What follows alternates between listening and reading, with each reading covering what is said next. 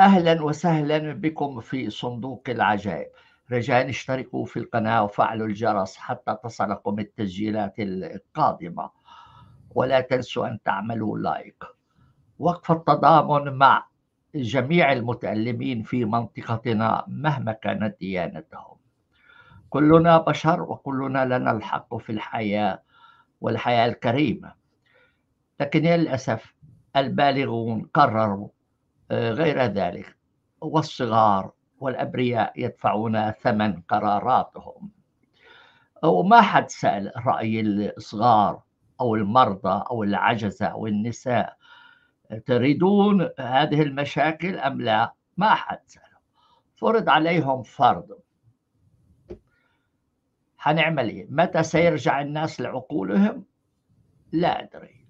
لا أدري. لا أحد يدري.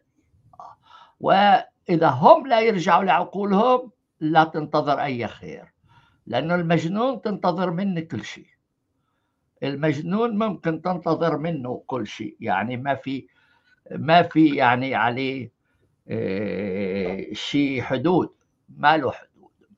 أوكي إخواني بعد هذه المقدمة القصيرة وتعازينا لجميع المتألمين خاصة أهلنا في غزة وفي الضفة الغربية لكن أيضا اليهود المتألمين أي شخص إحنا لا نفرق بين إنسان وإنسان. كلنا بشر ولم نختر لا ديانتنا ولا أهلنا ولا مكان إقامتنا ولا لون بشرتنا حتى ولا اسمنا. لكن نحن نعاقب على أشياء لم نختارها أخي أخي بلال أنا سعيد بتواجدك معنا للمرة الثانية. واحد من أصدقائك طلب مني إيه، أطلب منك تكلمنا عن كيمياء الدماغ. خبرتك في البداية قبل ما ندخل إني حقيقة أنا ما أعرف أي شيء. فيعني أنا بدي سلمك الجمل بما حمل وأمل إنك توصلنا لبر الأمان. الكلام لك وأنا سأختفي من الشاشة. تفضل. شكرا دكتور سامي وأنا طبعا ممتن لهذه الدعوة ويشرفني دائما الحضور. الموضوع فعلا يعني جميل جدا ويفتح العين آه، ويفتح آفاق ال ال ال الإنسان آه، حتى يدرك ماذا يحدث داخل الدماغ. أول يعني أول شيء أحب أركز عليه آه، هو هرمون الدوبامين. هرمون الدوبامين طبعا هو معروف بالأوساط العلمية بأنه هرمون اللذة السعادة أو النشوة. عادة لما نأكل شيء لذيذ السعادة اللي نشعر بها هو فعليا زيادة الدوبامين في المناطق القديمة من الدماغ وانتقاله إلى ال frontal cortex ومن ثم إلى إلى القشرة الخارجية. أيضا العملية ممارسة الجنس أنا أتكلم ذكر وأنثى طبعا لا يوجد فرق بين الاثنين نفس الكيميائية تحدث عند الاثنين عندما نمارس الجنس ونصل إلى قمة النشوة من الجنس أيضا آه، آه، نشوف آه، زيادة عالية للدوبامين آه، عند مثلا عند الذكور الزيادة تكون قوية جدا ومن ثم تنزل عند الإناث الزيادة يعني تكون آه، أيضا قوية ليست بشدة الذكور لكنها تبقى لفترة أطول وهناك هرمونات أخرى عند الأنثى أيضا تساعد آه، في هذا الشيء. لكن الدوبامين ليس فقط لشعور اللذة إنما هو يعتبر أهم هرمون يدفع الكائن الحي لعمل كل الأشياء التي يعملها في حياته. بمعنى آخر أنك هناك حالة خلي شوي نرجع خطوة للوراء. هناك حالة تسمى بالهوميوستاسيس أو تسمى أو أو بالتوازن خلينا نقول توازن حراري. هذه الحالة عندما يكون الإنسان أو الكائن الحي طبعا الحيوانات أيضا نفس ميكانيكيه ونفس الكيميائية خاصة اللبائن اللي يشبهون الإنسان بشكل كثير لكن الدوبامين موجود حتى عند الأسماك والسلاحف وتقريبا كل الحيوانات. فالهوميوستاسيس إذا كانت آه، متوازن بمعنى أنك تجلس مثلا حتى وإن كنت إنسان فأنت تجلس آه، لا يوجد أي مشاعر تقودك إلى عمل شيء. بمعنى أنك تمتلك الطعام الذي تحتاجه مثلا أو هناك توازن حراري جيد في الأجواء فاذا لا تحتاج أن تفعل شيء حتى مثلا تبرد نفسك أو تحمي نفسك. فلا يوجد داعي لفعل أي شيء في في هذه الحالة إذا كان الهوميوستاسيس متوازن. طبعا هذه الحالة هي يعني ليست عامة. هذه الحالة أعتقد تعتبر نادرة وأقل أقل الحالات اللي يمر بها الكائن الحي. اذا كيف تتغير حالة الهوميوستاسيس؟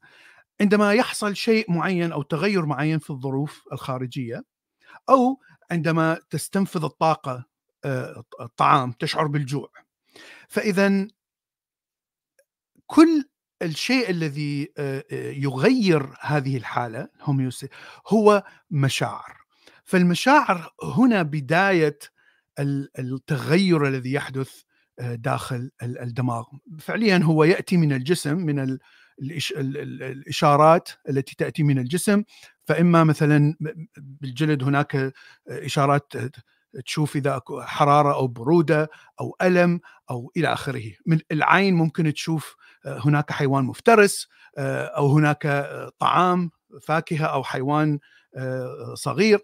هذه الأحاسيس هذه الإشارات كلها تذهب إلى الدماغ القديم. طبعا الدماغ القديم هو التركيبة التي ليس لها علاقة بالقشرة الكورتكس القشرة هي المكان الذي تطور بشكل كبير عند اللبائن وأكبر نسبة القشرة إلى الجسم أكبر ما يمكن نراها عند الإنسان والقشرة هي المكان الذي يحدث فيه كل آه، عمليات ال processing عمليات آه، تحليل المعلومات ومن ثم آه، القيام بقرار معين والقرار دائما يأتي من ال frontal cortex القشرة الأمامية.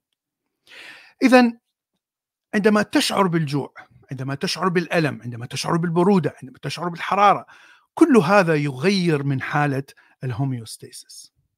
وهذه هذا الشعور سيدفع الكائن الحي إلى طبعا القرار بتعديل حالة ال homeostasis. إذا كنت جائع فتبحث عن طعام وتأكل هذا الطعام.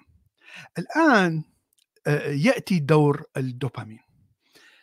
حتى أصل إلى آه، أكل هذا الطعام يجب طبعا علي أن آه، أستحضر آه، من الذاكرة أين يوجد الطعام. خلينا نفترض إحنا في المدنية الحالية وأنا هناك ماكدونالد قريب وأنا أعرف أن البرجر لذيذ جدا. ففكرة أن البرجر لذيذ من الذاكرة وفكرة أن آه، ماكدونالد يمتلك هذه البرجر وأنا أمتلك المال حتى أشتري هذا الب... كل هذه الأفكار تزيد من الدوبامين. بشكل قليل. زيادة هذا الدوبامين يعطيك الرغبة أو الدافع حتى آه، يعني أفعل شيء لأصل إلى الماكدونالد. أمشي بالأقدام أخذ الباص أخذ سيارتي إلى آخره.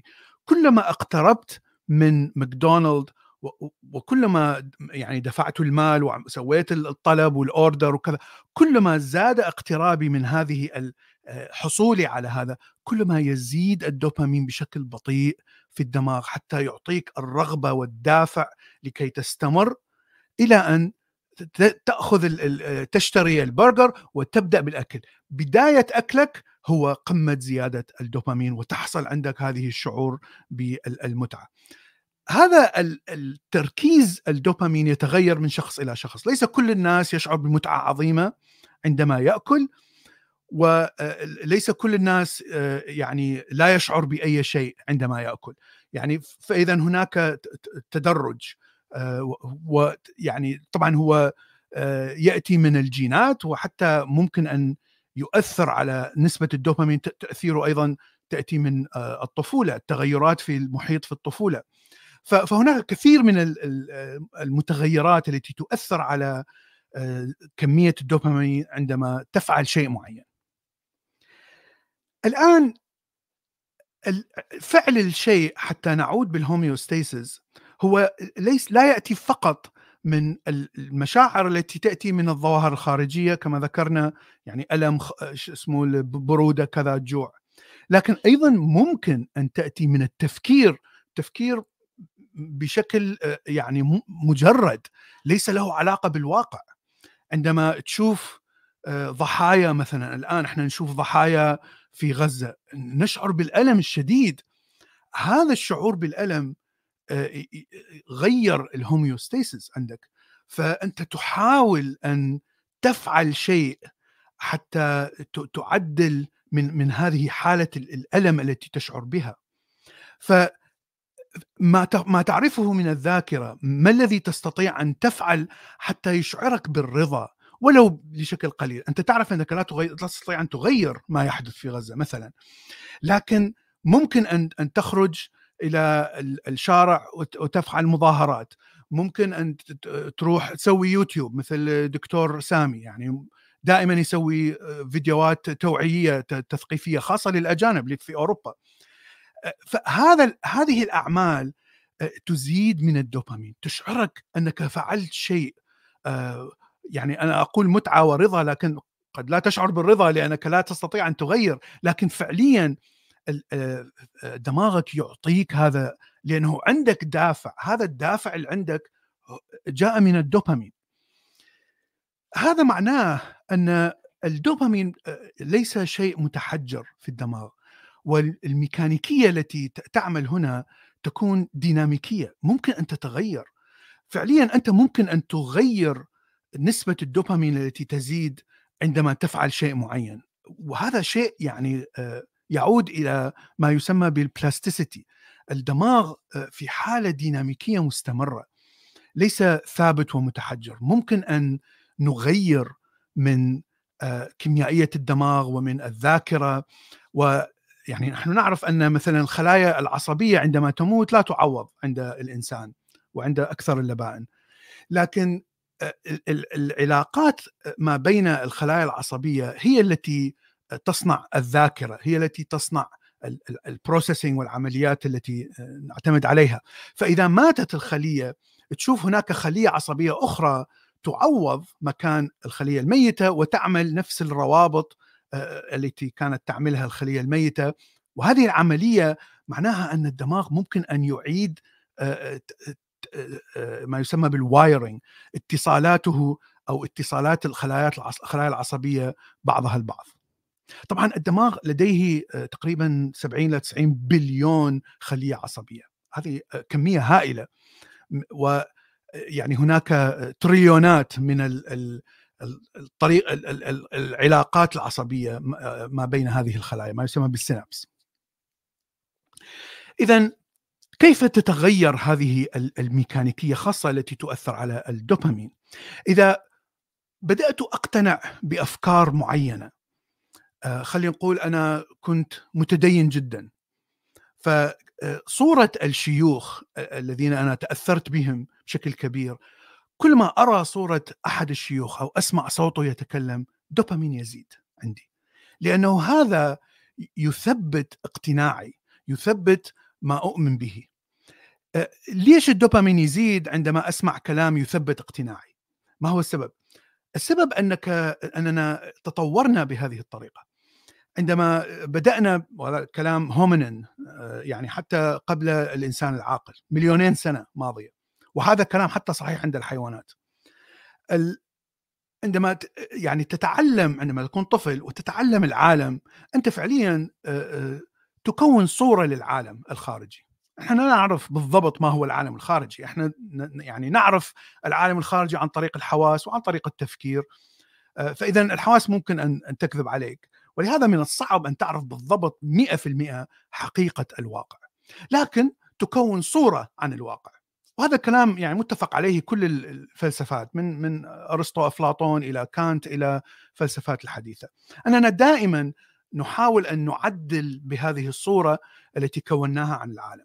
ونحن نمتلك يعني مئات الصور ليست صورة واحدة. أنا عندي صورة للصديق عندي صورة لليوتيوب عندي صورة لقناة دكتور سامي عندي صورة لقناتي أنا عندي صورة فعندي دائما وهذه الصور هي موديل تعطيك حتى تستطيع أن تتنبأ المستقبل. الموديل يستعمل إذا وضعت متغيرات في هذا الموديل فيعطيك تنبؤ ماذا سيحدث في المستقبل.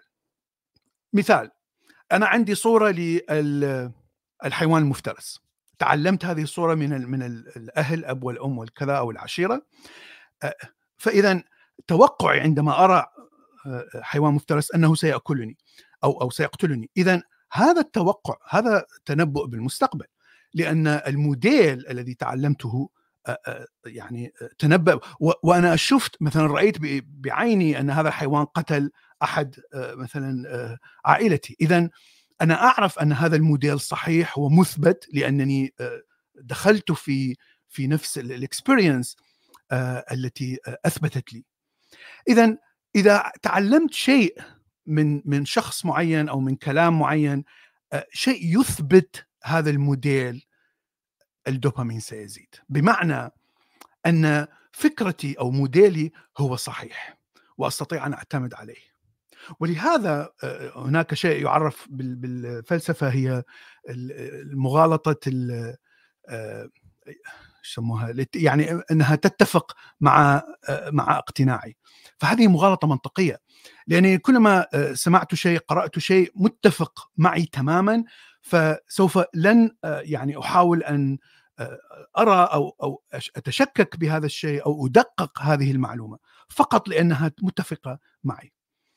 ف عندما نعود عندما كنت متدين طبعا أرى الشيخ وأرى كلماته وأرى كذا دائما كلما أرى تزيد الدوبامين. فاذا هذا أيضا يفسر كيف انتشر ال social media مواقع التواصل كيف أن الناس يبدأون يدمنون على مواقع التواصل لأنك كلما تعطي like على موضوع معين مواقع التواصل مثل فيسبوك ويوتيوب وكل هؤلاء يعطيك post بنفس الموضوع.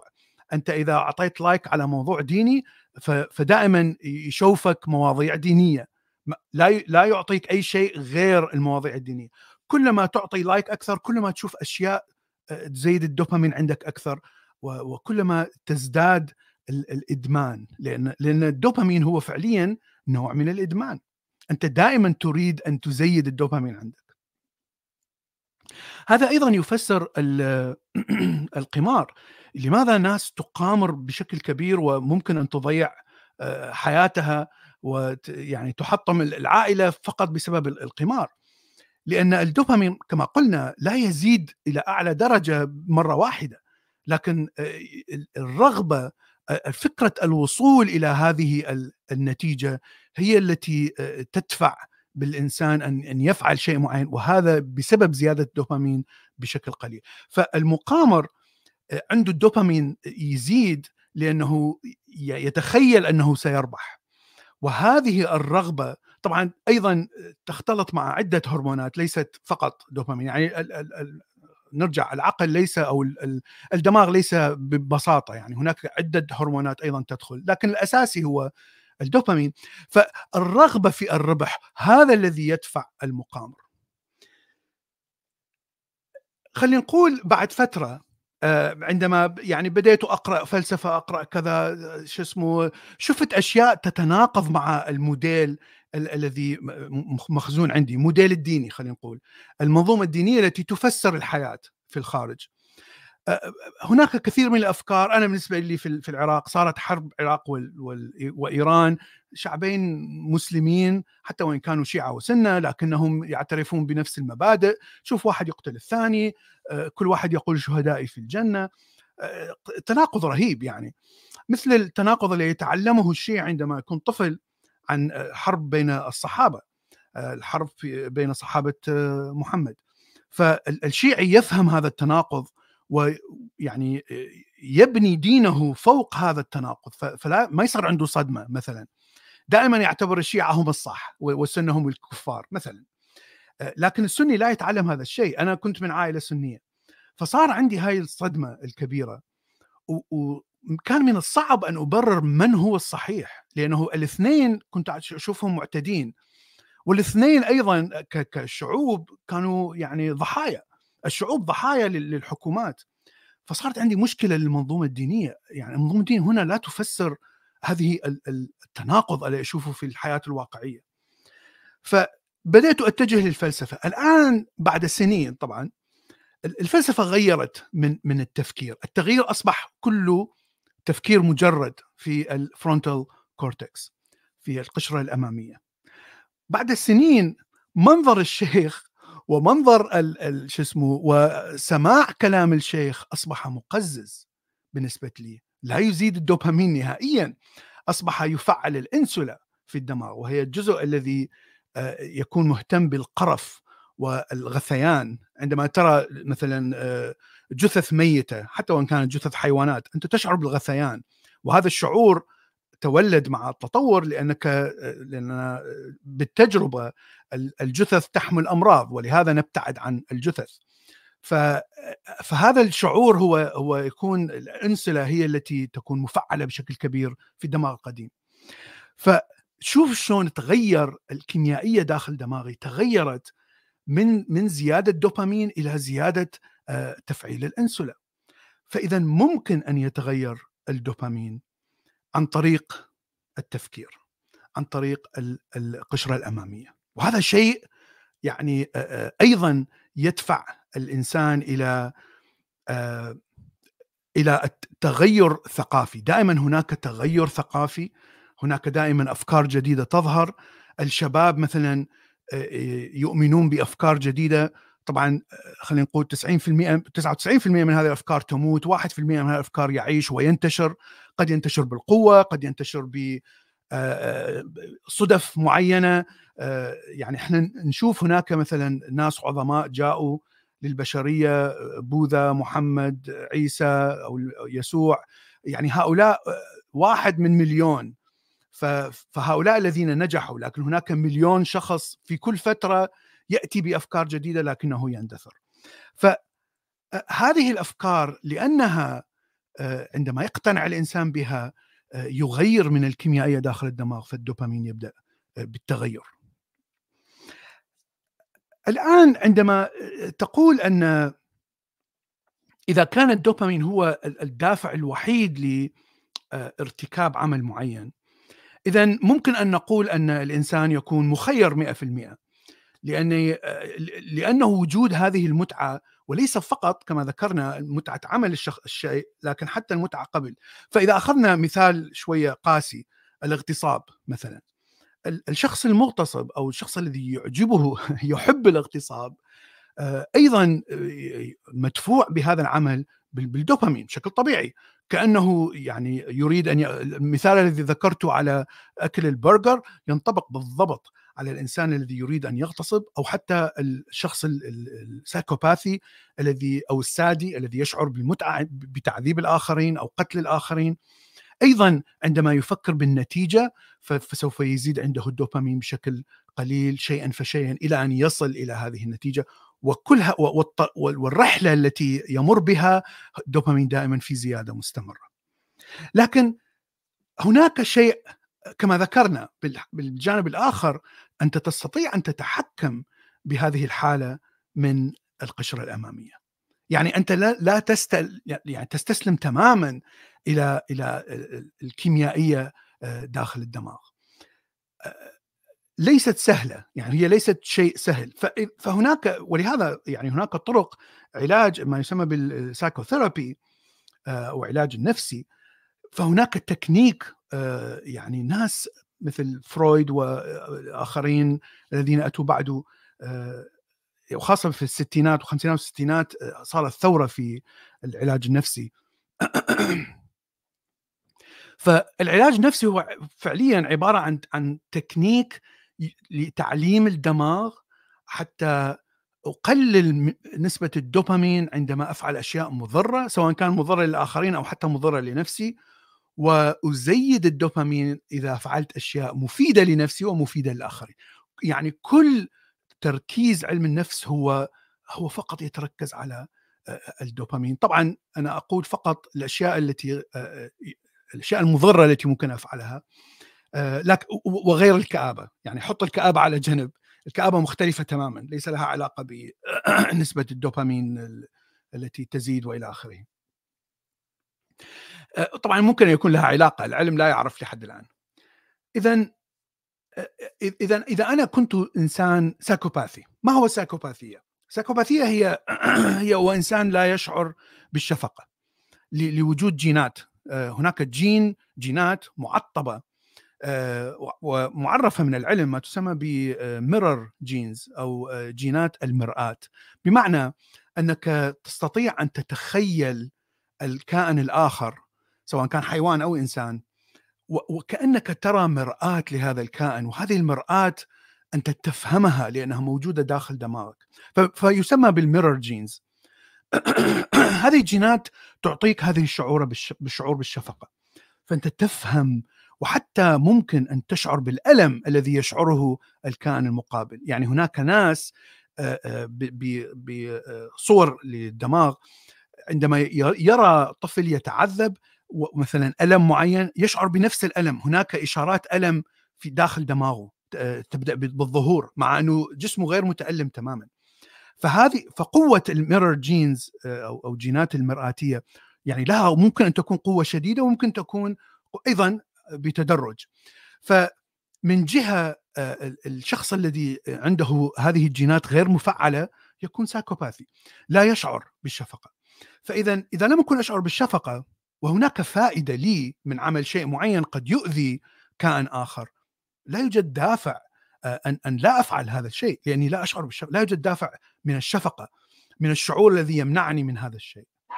لكن هناك دائما دافع عقلاني، دافع من ال frontal cortex من القشرة الأمامية، لأن الدافع القشرة الأمامية يقول لي إذا ارتكبت هذا العمل وكان ضد القانون فاذا أنا يعني سأنتهي بمضرة وليست منفعة. فاذا ال psychopathy أغلب السايكوباثيين psychopathy نسبة السايكوباثيين 10 إلى 16% يعني من من المش... من أي مجتمع من من أي population فهذه نسبة كبيرة ليست نسبة صغيرة لكن أكثرهم يتعلمون أن يخفي هذه الصفة يخفي أنه لا يشعر بالشفقة ويمثل على المجتمع أنه طبيعي مثلك مثله أيضا يشعر بالشفقة وأيضا عنده رحمة لكن كله تمثيل. يعني هو يعرف أنه ليس لديه أي رحمة أو شفقة لا يشعر بها. وعلى هذا الأساس لأنه يريد أن يعيش بسعادة. يعني يريد أن أن يعني لا يتعرض لمشاكل القانون يريد أن يعني يحصل على الأموال وظيفة جيدة عائلة جيدة إلى آخره. فأكثر الناس السايكوباثيين لا يفعلون أي مشاكل ولا يؤذي أحد لكن يعرف أنه لا يمتلك هذه القدرة. الإنسان الذي سايكوباثي لكنه لا يستطيع أن أن يوقف نفسه من هنا هذا الإنسان عنده مشكلة في ال frontal cortex لأن القشره الاماميه لا يعني إما لا تعمل بشكل كفؤ أو يكون مثلا مراهق. ولهذا لأن القشرة الأمامية هي آخر جزء ينضج عند الإنسان. تقريبا ينضج آه، بعد عمر ال 25 يعني من 25 آه، حوالي يبدأ هذا الجزء بالنضوج ونشوف أنه يفعل دائما. مهما فعلت أي شيء تفعله تشوف هذا يتفعل بشكل سريع. وهناك الكثير مئات مئات من التجارب التي تثبت هذا الكلام. فمثلا آه، يعني شفت شيء عنصري مثلا آه، كلمة عنصرية آه، يعني أنت مثلا مسلم وقريت آه، كلمة تقول أن المسيحيين كلهم حيوانات أو وهاي الكلمة تتفق مع ما كنت معتقد به من زمان. يعني أنت سمعتها من من مجتمعك خلينا نقول. لكن عندما نضجت عرفت أنه هذا خطأ. يعني هذا عنصرية ومسبة وشيء غير جيد قبيح. عندما تقرأ هذه الجملة عندك الأميجدلا التي هي تفعل آه، عندما تشعر بالغضب أو تشعر بالخوف آه، آه، يشوفون أنه من خلال تجارب صور الدماغ أن ال amygdala تفعل. لكن بعد تفعيل ال amygdala بمثلا نصف ثانية ال frontal cortex يفعل ويهبط من إشارة ال amygdala حتى يهدئ ال amygdala ويقول لا لا لا هذا هذا هذا كلام غلط. هذا كلام غلط. لا يعني لا تتفاعل معه. هذا كلام غلط. فهذا مثبت بالتجارب.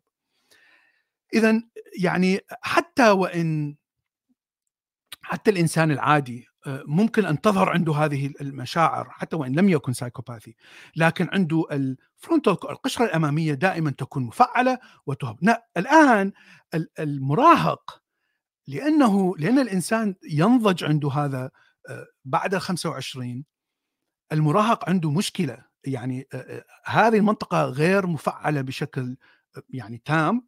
هي تفعل لكن ليس بشكل تام. ولهذا المراهق ممكن أن يرتكب أفعال يعني غير منطقية أفعال غبية جدا. آه، وهذا شيء معروف أن أكثر الناس الذين الجنود الذين يضحون بأنفسهم مراهقين آه، سواء من أي دين. يعني إحنا ما ما نركز على ملة أو جنس أو دين معين. كل الأديان كل الشعوب كل هذا. تشوف المراهق هو المستعد أن يموت. في سبيل فكرة معينة. لأنه فعليا لا يفكر لأن لأن ال frontal cortex غير غير ناضج. المراهق أيضا ممكن يفعل أشياء يعني عنيفة و خلينا نقول جريئة جدا. جرأه عنده أكبر. ليش؟ لأنه الجرأة تعطيك مشاعر قوية جدا. وهذه المشاعر تزيد الدوبامين عندما تكون خاصة الناس الذين يحبون المخاطرة. فعندما تسوق سيارة بشكل سريع عندما تفعل أشياء تتسلق مكان عالي وتأخذ صورة وإلى آخره. كثير من المراهقين يموتون بسبب هذه الأفعال. آه، لأن هذه المشاعر هي فعليا الدوبامين والأدرينالين ويعني شوربة من من الهرمونات تعطيهم متعة كبيرة. ولان القشرة الأمامية غير مفعلة آه، فلا يستطيع أن يهبط من هذه المشاعر. فهذه المشاعر تدفعه بشكل قوي آه، إلى قيام بهذه الأعمال. اذا في الحالة الوحيدة اللي تكون فيها القشرة الأمامية معطبة ممكن أن ممكن على الإنسان أن يسيطر على هذه المشاعر وكما ذكرنا ممكن أيضا حتى أن يغير من نسبة الدوبامين التي ممكن أن تزيد بفعل معين أو فكرة معينة أو أن تقل بفعل أو فكرة معينة. هذا الشيء ليس سهل. إما تحتاج إلى سنين من العلاج النفسي، تحتاج إلى سنين من الإيمان بشيء معين، عقيدة معينة، إذا كنت مؤمن بالبوذية مثلا آه، ما يسمى بالسبع درجات حتى تصل إلى النيرفانا فهي شيء من اليوغا اليوغا هي إحدى الخطوات. ف هناك خطوة أنه تجوع نفسك هناك إلى آخره. هناك خطوات تأخذ سنين تصل إلى مرحلة أنك تسيطر على الدوبامين الذي يحصل عندك بحيث حتى وإن كنت جائع فأنت تشعر بالسعادة وهذا شيء يعني عكس عمل الجينات في الدماغ فقط لأنك سيطرت على القشره الأمامية. أيضا في الأديان عندما تدخل بتصوف شديد عند الأديان آه، كل الأديان بما فيها الإبراهيمية طبعا ممكن أن تدخل في حالة تصوف ونشوة وسعادة شديدة مع أنك مثلا جائع أو آه، أنت يعني مثلا جسمك مريض أنت تشعر بآلام شديدة من المرض لكن بنفس الوقت لأنك غيرت من من الكيميائية فأنت لا تشعر بهذه الإشارات الألم لأن الدوبامين عندك عالي. طبعا ليس فقط بشكل أعود وأقول ليس فقط دوبامين هناك كثير من الهرمونات الدوبامين هو عامل أساسي لكن ليس العامل الوحيد. الشيء الآخر اللي عندي عندي بعد عشر دقائق آه، ممكن أتكلم بشكل سريع عن الكآبة من جهة أخرى. لأن آه، هناك مشكلة في الإنسان المكتئب. آه، لماذا لا يعمل الدوبامين بشكل صحيح عندما يصير عنده هذه حالة الهوميوستاسيس الإنسان المكتئب هو الإنسان الذي لا يفعل شيء حتى يغير من حالته. يعني هذا هو بالنسبة لي هذا لأن أنا كنت مكتئب أنا مريت بهذه الحالة. يعني ظليت تقريبا 15 سنة واقع في في تحت الكآبة. فالمشكلة أنك تعرف يعني عندك مثلا أنت تشعر بالغربة تشعر بالوحدة تشعر بالعزلة. الحل هو أن تصادق. أصدقاء مثلا تسوي علاقة عاطفية مع شخص وممكن أن تنتهي بالزواج إلى آخره. إذا كان عملك إذا كنت تكره عملك ممكن أن تبحث عن عمل آخر ممكن أن تأخذ دورات حتى تحسن من حياتك يعني هناك مشاكل في الحياة طبعا بشكل طبيعي لكن دائما هناك أشياء ممكن أن تفعلها. المكتئب لا يفعل هذه الأشياء ليس من غباء يعرف ما هي الأشياء التي يستطيع أن يفعلها لكنه لا يفعلها. دائما يشعر بإحباط. دائما يقول أن مهما أفعل سوف أفشل. ولهذا من الأفضل أن لا أفعل أي شيء. هذه كانت حالتي. لماذا هذه؟ شيء غريب. يعني الدماغ الإنسان الطبيعي غير المكتئب ما بينه هاي المشكلة. ونحن نعرف من الكيميائية كما ذكرنا الدوبامين يدفعك لعمل الشيء الذي سيحسن حياتك. إذا أنا قلت آه، إذا أخذت هذه الدورة فأحصل على شهادة فسأحصل على كذا. حتى وإن خطة مستقبلية بعيدة الدوبامين يبدأ بالعمل. فدماغك دائما يزيد الدوبامين آه، عندما تفعل شيء يقربك إلى هذا الهدف. اذا المشكلة قلنا المكتئب لا نعرف بالضبط، العلم لا يعرف لماذا هذه الميكانيكية تتعطل داخل الدماغ. الشيء الذي نعرفه أن نسبة السيروتونين يعني متوازية مع آه، سبب الكآبة أو أو الإنسان المكتئب. السيروتونين هو ليس هرمون مثل الدوبامين لكنه موصل عصبي، ناقل عصبي يسهل عملية نقل الإشارات بين الخلايا العصبية. ويعني آه، التركيز الكبير منه أنه آه، في المعدة في الجهاز الهضمي لأنه طبعا أعصاب الموجودة في النخاع الشوكي تحتاج إلى أيضا أن أن تسيطر على كل العمليات الموجودة في الهضم. فتركيز السيروتونين كبير في في الداخل وأيضا يؤثر على عملية الإشارات التي تتحكم بالقلب وطبعا موجود في تقريبا كل الدماغ.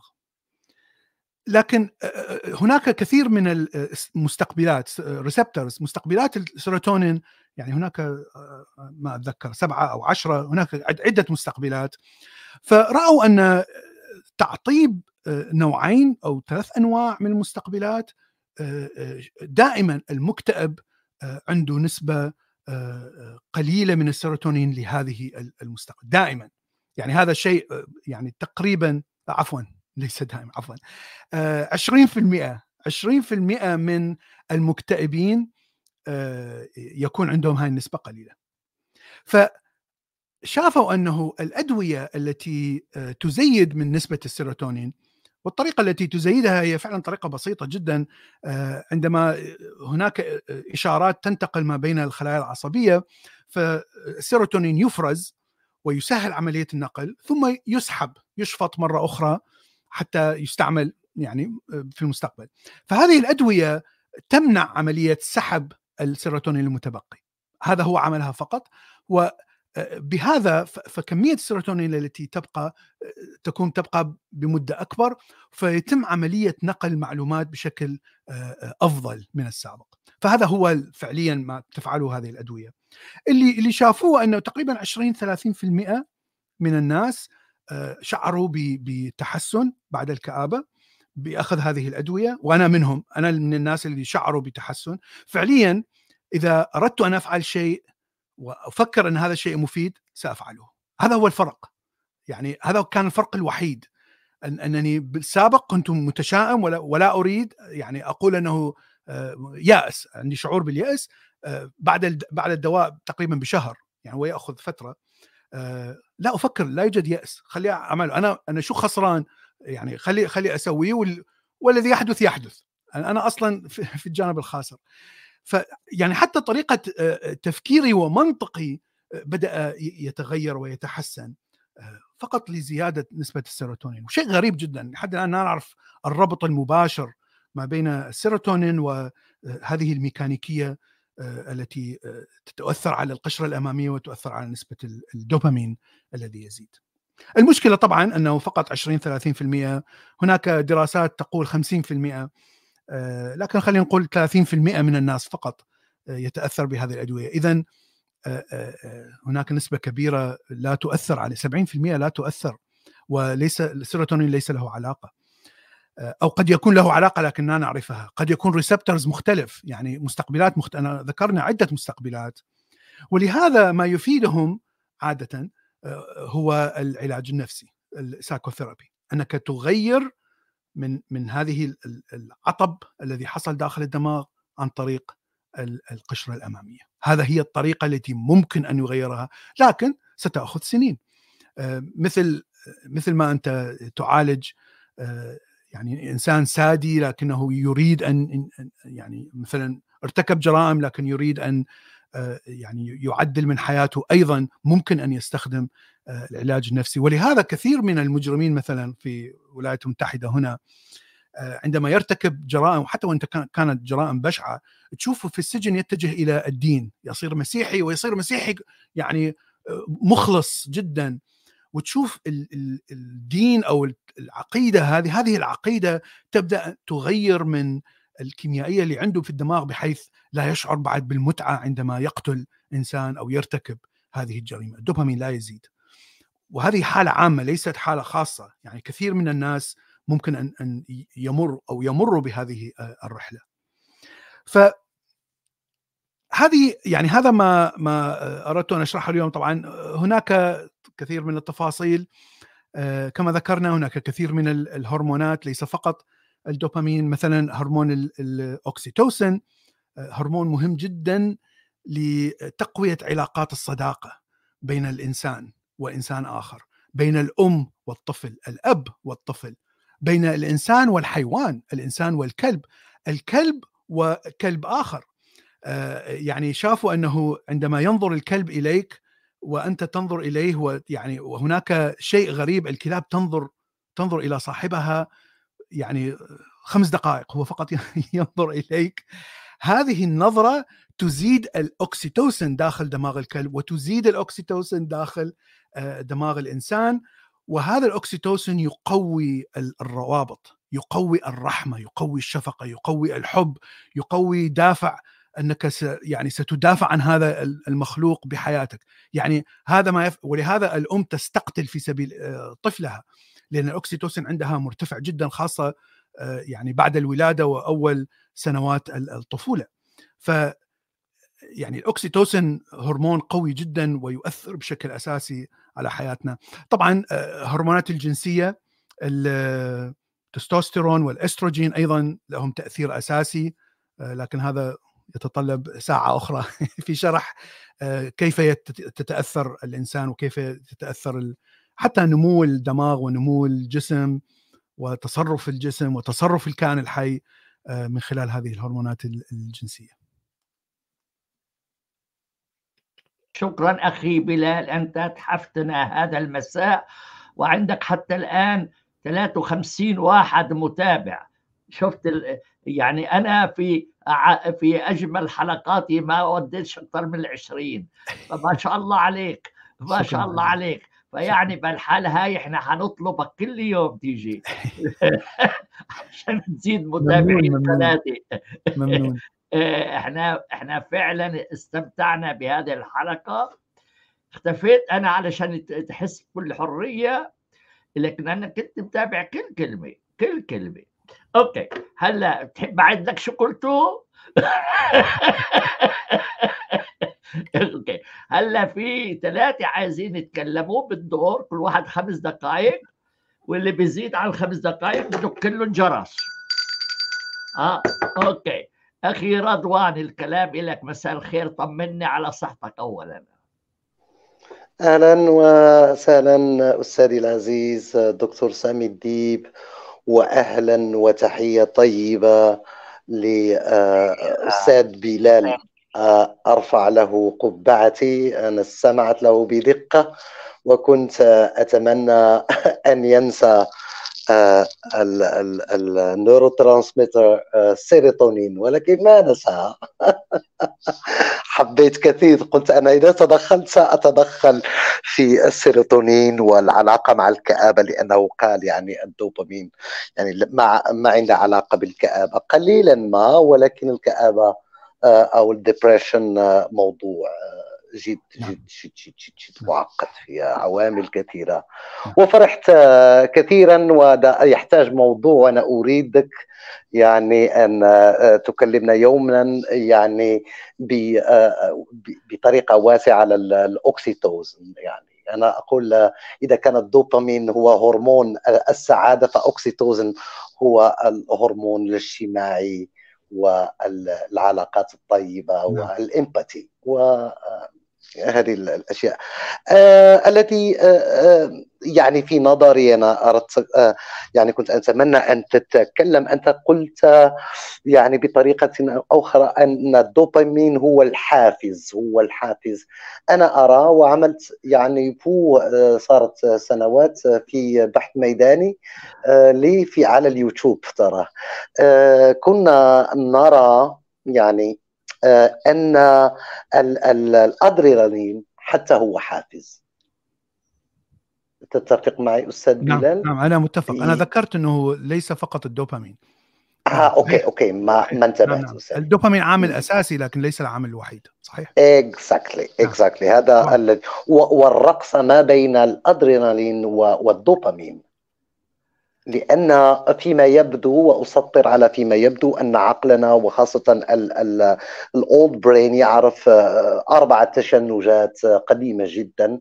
وهو التشنج الأول هو آه، الخوف والرحلة إلى إلى الأمن والأمان و آه، العقاب أو البين يعني الألم وكيف نقول ال ال الجزاء. فهمت أستاذي؟ أربعة فيما يبدو لي أنا أربعة تشنجات جد قوية وقديمة. حتى في prefrontal cortex أنا أسميه prefrontal cortex أستاذي حتى هنا تكمن ال ال ال ال آه، يكمن يعني سلوك أو دافع أو قوة آه، آه، العنف والإدمان. فهمت؟ وفي القمار فيما يبدو أستاذي وهذه ملاحظتي يعني هنا تلعب الرقصة الأدرينالين والدوبامين الربح وال وال وال والخوف من الخسارة لأن حتى نحن ولو آه، ما كنا بسيكوباتيين الحمد لله نمشي إلى كيف نقول آه، إلى الملاعب لكي آه، نشعر شوية بالخوف فهمت؟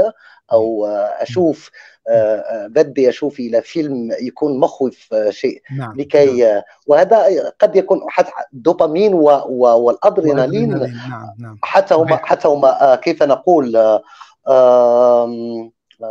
مخدر دوب والانسان يعني كلام صحيح لأن الأدرينالين لما يزيد راح يقلل من إشارات الألم ما راح تشعر بالألم نعم. نعم. وهذه ميكانيكية حتى عندما يعني مثلا تنجرح مع حيوان مفترس خلينا نقول ف فالأدرينالين يزين عندك بشكل هائل فأنت تهرب أنت تدخل في مرحلة الهرب. فإذا كان إذا كان الجرح عميق فيجب أن لا تشعر بالألم حتى تستطيع ان أن تركز على الهرب. نعم. فعندما تصل إلى مكان آمن راح تشوف الأدرينالين يبدأ بالنزول والسيروتونين يبدأ بالصعود وتبدأ إشارات الألم القوية بالوصول. نعم، وهنا التفكير. يعني تبدي تشعر بالألم وتبدأ الجسم حتى يشفي نفسه. فيعني كلام نعم. صحيح نعم. وحتى الخوف خوف يكون بعد يعني. حتى بعد ذلك آه، تفكر ماذا كان بامكانه أن يحصل لك يعني. كان حياتك نعم. تنتهي و... وتصنع. نعم إشارات وذاكرة الخوف كلها موجودة في الأميجدلا.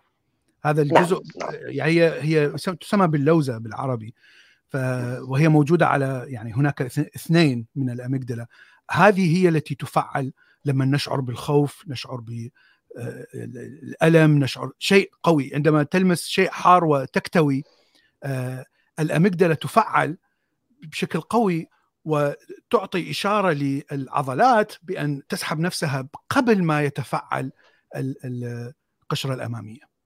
نعم prefrontal cortex يعني, يعني قبل ما تعي أصلا بهذا الألم نعم. أنت سحبت يدك. آه نعم. فهذا كله بشكل ميكانيكي يعمل بشكل أوتوماتيكي نعم. يعمل. نعم. آه فبداية البحث التي آه كنت بدأت فيها يعني سنين وهي على اليوتيوب هو جانب اللغوي أن اللغة بإمكانها أن تساعدك أن تفرز الدوبامين أو الأدرينالين. أنا عملتها مع الطلبة. هذا حتى تشعر بالإثارة. نعم الأدرينالين يدعوك إلى فعل شيء ليس فقط الأدرينالين لكن أنا أقول الهرمونات الجنسية أيضا تدخل في هذا المجال. يعني إذا كنت ذكر فالتستوستيرون والأدرينالين هو الذي يدفعك حتى تعمل أشياء جريئة وشجاعة وتستعرض عضلاتك وحتى تفعل أشياء غبية جدا. والأستروجين والأدرينالين عند الأنثى يدفعها للدفاع دفاع عن اطفال دفاع عن البيت نعم. بشكل يعني تكون بشكل مثلا قاسي جدا ف... شارس شارس وخطير إيه شرس جدا شرس نعم. شراسة نعم. ف... نعم. فالهرمونات الجنسية أيضا تكون مهمة كثير في تغير المود والفعل الذي تفعله صحيح. آه، أستاذ أنا أشكرك وأتمنى والله ولو تعملنا حلقة في شهر. ويعني ومفيد جدا ويعني صارت لي ذكريات قديمة جدا. شكرا جزيلا وتحياتي لصالح وحميد وكل المشاركين وعلى ال live chat وفاطمة الرحال وفري. شكرا لكم. شكرا أخي رضوان. أنا بدي أشكر روستاكوس لأنه هو اللي اقترح هذه الحلقة وهو معنا فأنا أشكره على هذا الاقتراح وأعطي الكلام آه، لأخي حميد بن حمو تفضل. آه، شكرا أستاذي آه، مساء الخير لك ولضيفك الكريم الأستاذ بلال ولأخي رضوان وصالح ونضال ورستاكوس الزول رستاكوس وكل المشاهدين المتابعين لهذا البث.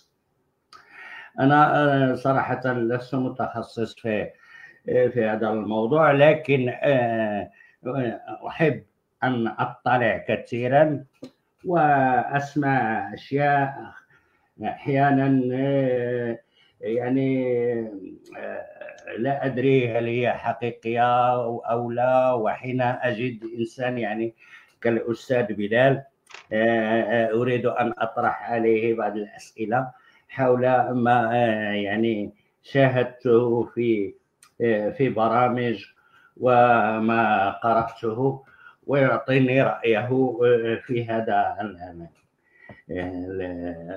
يعني في هذه المعرفة الذي أخذتها وأنا لست متيقنا بأن بأنها صحيحة. فأنا رأيت برنامجا يقول بأن المخ منقسم لقسمين اليمين واليسار. واليمين يعني يهتم بالعاطفة وكل التدين وكل الأشياء التي لا يمكن أن نفسرها بالمنطق. واليسار هو منطقي أكثر.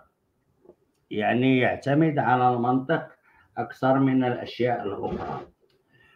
ولكي يكون الإنسان متوازن لابد أن يتدرب على استعمال نصفه الأيمن والأيسر من جسمه حتى تتوازن تلك الكمية في في في عقله ويصبح يعني يحكم على أشياء بنوع من الحكمة آه، ل آه، آه، كذلك يعني أحيانا يكون صراع بين كمية الجهة اليمنى وكمية الجهة اليسرى.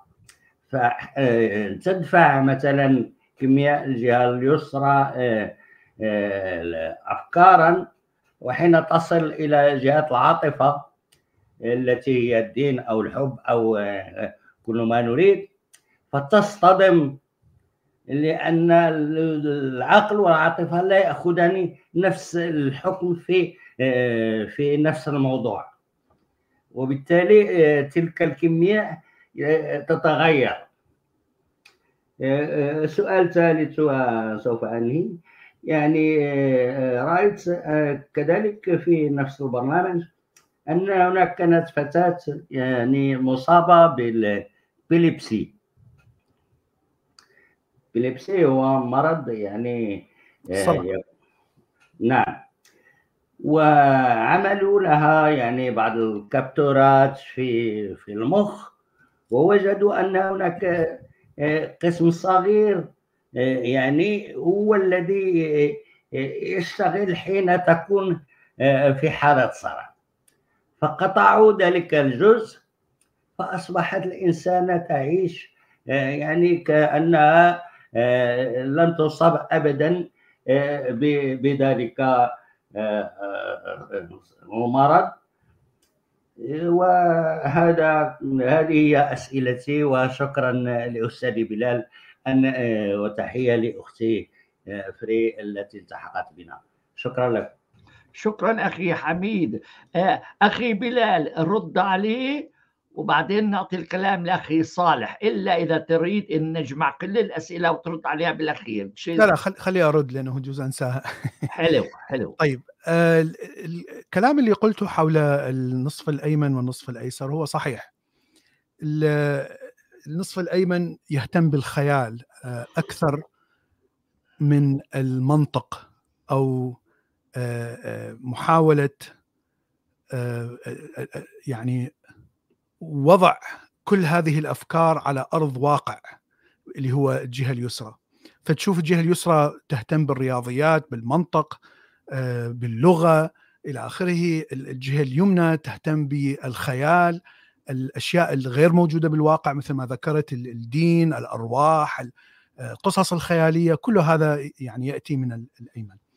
آه، ليس 100% يعني لا يوجد شيء اسمه 100% الأيمن يفعل كذا يعني هذا كانت هذا الاعتقاد لكنه ليس لكنه على الأغلب يكون صحيح. العلاقة ما بين النصفي الدماغ يوجد مكان معين نسيت اسمه مع الأسف هذا المكان هو هو دائما هناك ملايين الاشارات تنتقل خلال هذا الجسر.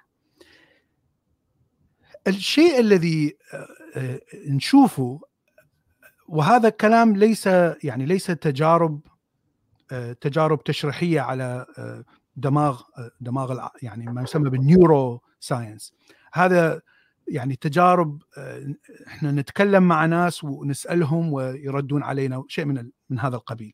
فمن الصعب تكرار هذه التجربة حتى نعرف بالضبط يعني كيف ينتصر فص على فص آخر. ما هو الشيء الذي يجعل الإنسان يميل إلى الروحانية أو يميل إلى المنطقية؟ لكن كلامك صحيح. إذا أنا كنت أميل إلى الروحانية فسأستعمل المنطق من الجانب الأيسر حتى أثبت أن الروحانية صحيحة. وإذا كنت إنسان منطقي الجانب الأيسر هو الذي ينتصر فسأستعمل الروحانية حتى أثبت أن المنطق هو الصحيح. ف بالنهاية القرار النهائي الذي يحصل في ال prefrontal cortex هو يأخذ المعلومات من الطرفين ويستخدم هذه المعلومات حتى يثبت أن الموديل المخزن عنده هو الصحيح. المشكلة إنه حتى تعرف بالضبط شلون تعمل هذه الكيمياء يعني لازم تسوي تجارب على الإنسان نفسه يعني لازم تشرح إنسان وتقصقص هذا وتشوفوا شلون يتصرف فهذا مستحيل لا يمكن ان يفعله. So ما ما نعرفه من مرضى حوادث السيارات مثلا عندما يصير آه، آه، عطب بالمخ. سو عطب بهذا الجزء الذي يربط ما بين الفصين. يعني هناك ناس يصير عندهم هذا العطب فيصير عندهم آه، مثل الانفصام بالشخصية. عنده شخصيتين منفصلتين تماما. ويحس أن هناك شخصين داخله يعني مو مو شخص واحد. لكنه يشعر أنه هو نفسه هذين الشخصين. شيء غريب جدا طبعا. آه، وأيضا مرضى الصرع اللي السؤال الأخير اللي ذكرته. مرضى الصرع قبل خلينا نقول قبل 100 سنة بدأت آه، تنتشر آه، أفكار أن المنطقة التي تبدأ فيها نوبات الصرع. يعني هي شو هو شنو الصرع؟ هو فعليا إشارات عشوائية آه، كهربائية أو انتقالات ما بين الخلايا العصبية في الدماغ آه، آه، فتشوف إشارات عشوائية تبدأ بالظهور في منطقة معينة وتنتشر إلى الدماغ كله. ولهذا الجسم الإنسان كله يعني كله يتأثر لأن الدماغ كله يعني يشع بالإشارات العشوائية الكهربائية. فشافوا إذا شالوا هذا اقتصوا هذا الجزء الذي بدأ فيه هذه النوبة. فنوبة الصرع التي طبعا تقود إلى الموت فقط يعملون هذه العملية الجراحية. إذا لم تقد إلى الموت فما يعملوها لأنه لا يعرفون شنو تأثير إذا قصوا هذا الجزء يعني شلون راح يصير تأثيره في حياة الإنسان. لكن إذا كانت نوبة صرع مميتة فطبعا أفضل أنه يعيش آه، آه، بدل أن يموت. فهناك كثير من الناس الذين درسوا هؤلاء الذي عملوا فيهم هذه العمليات وهذا الكلام يعني إلى الخمسينات وتوقفوا الجراحين عن هذا العمل لأنه الطب تقدم بشكل كبير وهناك أدوية الآن آه، يعني تعطب هذه المناطق بالكيمياء بالأدوية وليس بعمليات جراحية.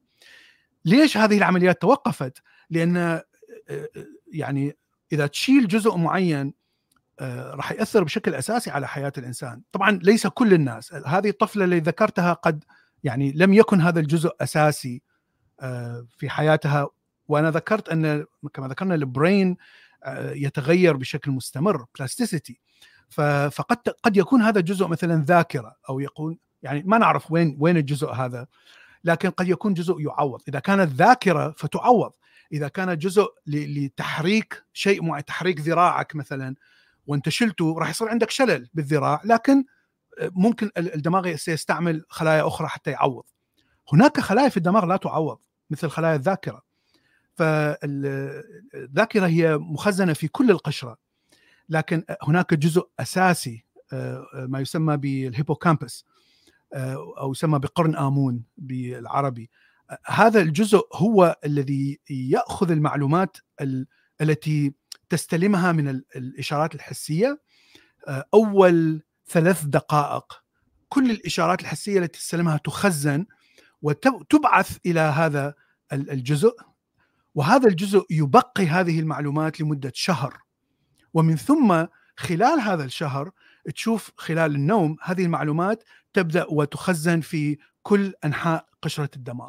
فيتخلص من الذاكرة المهمة يخزنها في القشرة الذاكرة الغير مهمة آه، آه، يعني لا تخزن.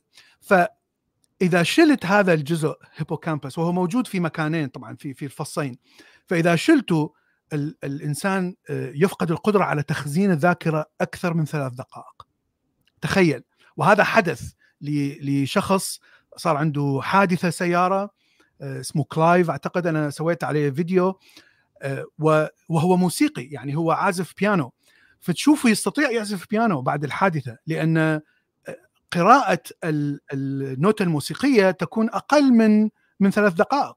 فيستطيع أن يقرأ ويتذكر ويخزن هذه الذاكرة حتى يعزف لكنه لا يستطيع أن يخزن أي شيء بعد ثلاث دقائق. انتهى. الذاكرة تمسح لأنه ال hippocampus غير موجود. فهناك يعني أمثلة مئات الأمثلة على هذا الشيء. أن عندما تزيل جزء أساسي في الدماغ آه، خاصة الجزء الذي ليس في القشرة آه، جزء الدماغ القديم لا يكون تعويضه سهل آه، في في تقريبا كثير من الحالات آه، لا يعوض. فانت تخسر آه، يعني مثلا إذا شلت الأميجدلا إذا شلت هاي اللوزة التي تشعرك بالخوف فسوف لا تشعر لا بالخوف ولا بالكذا. إذا حطيت إيدك على مكان محرق ستحترق يدك. ستشعر بالألم لكنك لا تشعر بقوة هذا الألم ولا تشعر بدافع لانك يعني سوف تزيل يدك. فحتشوف إيدك تحترق. يعني ولا تشعر بأي دافع لإزالة اليد. يعني مصيبة. يعني هذه يعني معيقة للحياة بشكل دائم. أوكي. إيه شكرا أخي. نعطي الكلام لأخي صالح فخر الدين ونرحب به. تفضل. آه، مساء الخير لجميع المتابعين الأستاذ سامي وكم أنا سعيد بالضيف وبموضوع حلقته أيضا. والشكر للأخ روستاكوس على أيضا على هذا بما جاء به. وأنا اؤكد على ما قاله الأخ رضوان إنه كل جمعة هيك بنكون يعني نحن من تجربتنا الخاصة بنتحدث بهذا الموضوع أكثر وأكثر. وشكرا لبقية الضيوف. اللي بدي أتحدث فيه أنا طالما إنه الجريمة تتعلق بكيمياء الدماغ لماذا لا يستغل تستغل هذه المعلومة في التخفيف من الجريمة وإذا كان يعني بنلاقي حل ما يكون كل المسؤولية على المجرم اللي ارتكب. كل المسؤولية نقول على الهيئات اللي بتقدر تكتشف الجريمة قبل حدوثها. هاي نقطة للتفكير. النقطة الثانية أنا اللي بتحدث عنها هي التدين. فعلا أنا آه، خضت تجارب مش بنفسي شفت اللي حوالي يعني. إنه بكون عندهم بكون في عندهم شذوذ معين وبيتوجهوا للدين. فهذا ما يؤكد كلام آه، الأستاذ. سؤالي آه، هو عن المزاجية. المزاجية مثلا صاحب دكان يوم بيبيع تلاقي مزاجه رايق يوم ما بيبيع بينعكر مزاجه. هل هذا يتعلق بالهرمونات؟ وهناك مقولة تقول نجاح يجر نجاح. أيضا ما هل هناك علاقة لهذا الموضوع بكيميائية الدماغ؟ العطور أيضا. نحن معقول يعني بالعطور نحن نحسن المود؟ الشوكولاتة. هاي الشوكولاتة اللي بيطعمها الأستاذ سامي كان يطعمها للمراجعين تبعه ويحل لهم المشاكل بالشوكولاتة. الشوكولاته السويسريه غير شكل. شو رأيك أستاذ سامي؟ الجواب للضيف ما دخلني ما دخلني. الضيف اللي بيجيب. هاي الشوكولاتة السويسرية أنا بفكر هاي علاج للمزاجية. وشكرا كثير لكم هيك حبيت أشارككم أنا بالموضوع. شكرا سعيد بتواجدك. آه، آه، أخي بلال الكلام لك وبعدين نعطي الكلام لأختي ابتسامة. نعم. السؤال الأول كان هل هناك طريقة حتى نمنع حدوث جرائم؟ لأن نعرف أن الشخص اللي يرتكب جرائم كما ذكرنا الدوبامين هو الدافع الأساسي ليس الدافع الوحيد وأيضا القشره الأمامية يعني غير مفعلة بشكل أساسي بشكل كبير بحيث تمنع هذا العمل. هذا صحيح وهذه مشكلة كبيرة. يعني هي ليست شيء سهل. أن نعرف أن هذا الشخص عنده مشكلة في القشرة الأمامية. الطريقة الوحيدة أنك تعرف هذا الشيء أنك تضع هذا الشخص تحت آه، هذه آه، تصوير الدماغ اللي هو يكون مكلف جدا. يعني شيء يعني غالي جدا أن أن أن تأخذ صورة للدماغ ما يسمى بالبيت سكان يعني هناك عدة طرق اللي هي تشوفك وين الإشارات الكهربائية أو ما هي الخلايا المفعلة. فيجب أن تضع هذا الشخص في هذا ال scan وهذا الشخص يجب أن يفعل شيء سيء في نفس الوقت حتى تعرف أن فعليا الدوبامين يبدأ بالتفعيل لكن ال frontal prefrontal cortex لا يتفعل. يعني هذه الطريقة الوحيدة أن تعرف بها.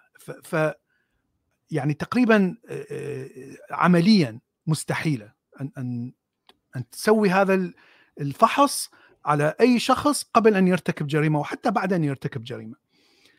فهو شيء صحيح يعني أنا متفق معك أن هناك طريقة لمنع الجرائم، إذا عرفنا مسبقا أن هذا الشخص عنده عطب في القشرة الأمامية. لكن كيف سنعرف إذا هذا الشخص لم يذهب إلى طبيب ويعني يسوي فحص وكذا وتصير عليه بحوث وريسيرش وينشرون بحث وكذا. إذا هذا هذه العملية التي تأخذ أشهر يعني لم تحصل لهذا الشخص فلا يعرف لا يمكن أن يعرف. فهذه هذه مشكلة أساسية. وهناك يعني كثير من ال خلينا نقول الإجراءات القانونية خاصة في الدول المتقدمة أوروبا أمريكا أستراليا كندا إنها تحاول أن لا تضع اللوم كله على المجرم لكن تضع أيضا جزء من اللوم على المجتمع على الأب والأم على الأسرة في تشكيل هذا الشخص. لأن كما ذكرت هي ليس فقط جينات. تعطيب القشره الأمامية ليس فقط يأتي من الجينات لكن حتى يأتي من تأثير الطفولة.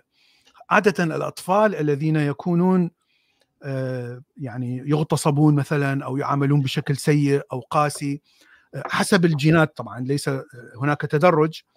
قسم من الأطفال يتحولون إلى sociopathy فال sociopathy هو ليس psychopath psychopathy هذا من الجينات. الجين كما ذكرنا هاي ال mirror genes معطبة. لكن ال sociopathy هذا الشخص عنده هاي الجينات تعمل لكن بسبب حادث أو حوادث كثيرة في الطفولة عطبت هذه الجينات وبدأ يتحول إلى إنسان قاسي جدا فيسمى سوسيوباث. ف يعني إذا إذا إذا كان هناك تاريخ نعرف أن هذا الشخص وقع تحت هذه الحوادث فتكون العقوبة أخف شوية من أو تكون العقوبة أنه روح تعالج. فهذا موجود يعني هذا موجود في أوروبا موجود في السويد نرويج هاي الدول الإسكندنافية اللي هي يعني أكثر دول متسامحة مثلا مع مدمن مخدرات مع حتى مع مرتكبي الجرائم. يعني هاي شيء جديد هذا ظهر فقط خلال 30 40 أو 50 سنة ماضية لم يظهر لأنه هذه البحوث يعني فعليا نسبيا جديدة على على العلم هاي البحوث هرمونات الدماء وكل هذا. السؤال الآخر هو عن الشوكولات أو الكوكو هي مادة الكوكو التي تأتي من من هذه الثمرة. فعلا صحيح مادة الكوكو تزيد الدوبامين ولهذا الإنسان يشعر بنوع من تعديل المزاج. بمعنى الدوبامين زاد ليس كبيرا لكن زاد بشكل قليل لكنه زاد وأنت تحس بهذه الزيادة. فهذا صحيح ولهذا الشوكولات يعني مشهور جدا الإنسان المكتئب يحب أن يأكل الشوكولات وكلما كانت نوع الشوكولات أفضل بمعنى أنه يؤثر بشكل أكبر على الدوبامين. طبعا هناك المخدرات الأفيون والهيروين وكل هذه تعطيك يعني زيادة حادة في الدوبامين. صح لمدة قليلة جدا يعني مدة دقائق فقط. لكنها زيادة حادة نفس الزيادة التي تشعرها عندما تمارس الجنس في قمة الجنس. ولهذا المدمن يعني من السهولة أن أن يدمن على هذه الأشياء لأنها تعطيه هذه الزيادة بدون أن يمارس الجنس. ف... فطبعا هناك مواد كيميائية يعني تزيد الدوبامين. الكحول والنيكوتين أيضا تزيد الدوبامين. الحشيشه ماريوانا تزيد الدوبامين. لكن كلها لاسباب مختلفة. يعني إذا إذا فحصت الكيميائية داخل الدماغ تشوف النيكوتين يؤثر على receptors مختلفة عن receptors أو أو مستقبلات الماريوانا ويؤثر بشكل مختلف عن الكحول. لكن كلها في النهاية نتيجتها أن الدوبامين يزيد بشكل طبعا بشكل قليل ليس بشكل كبير ليس مثل الأفيون ومشتقاته. فأكيد هناك كيميائيات طبعا تزيد بشكل سريع. شكرا أخي بلال. نعطي الكلام لأخت ابتسام. تفضلي. مساء الخير نبي سامي ومساء الخير أستاذ بلال. يعني حلقة جدا ممتعة الحقيقة.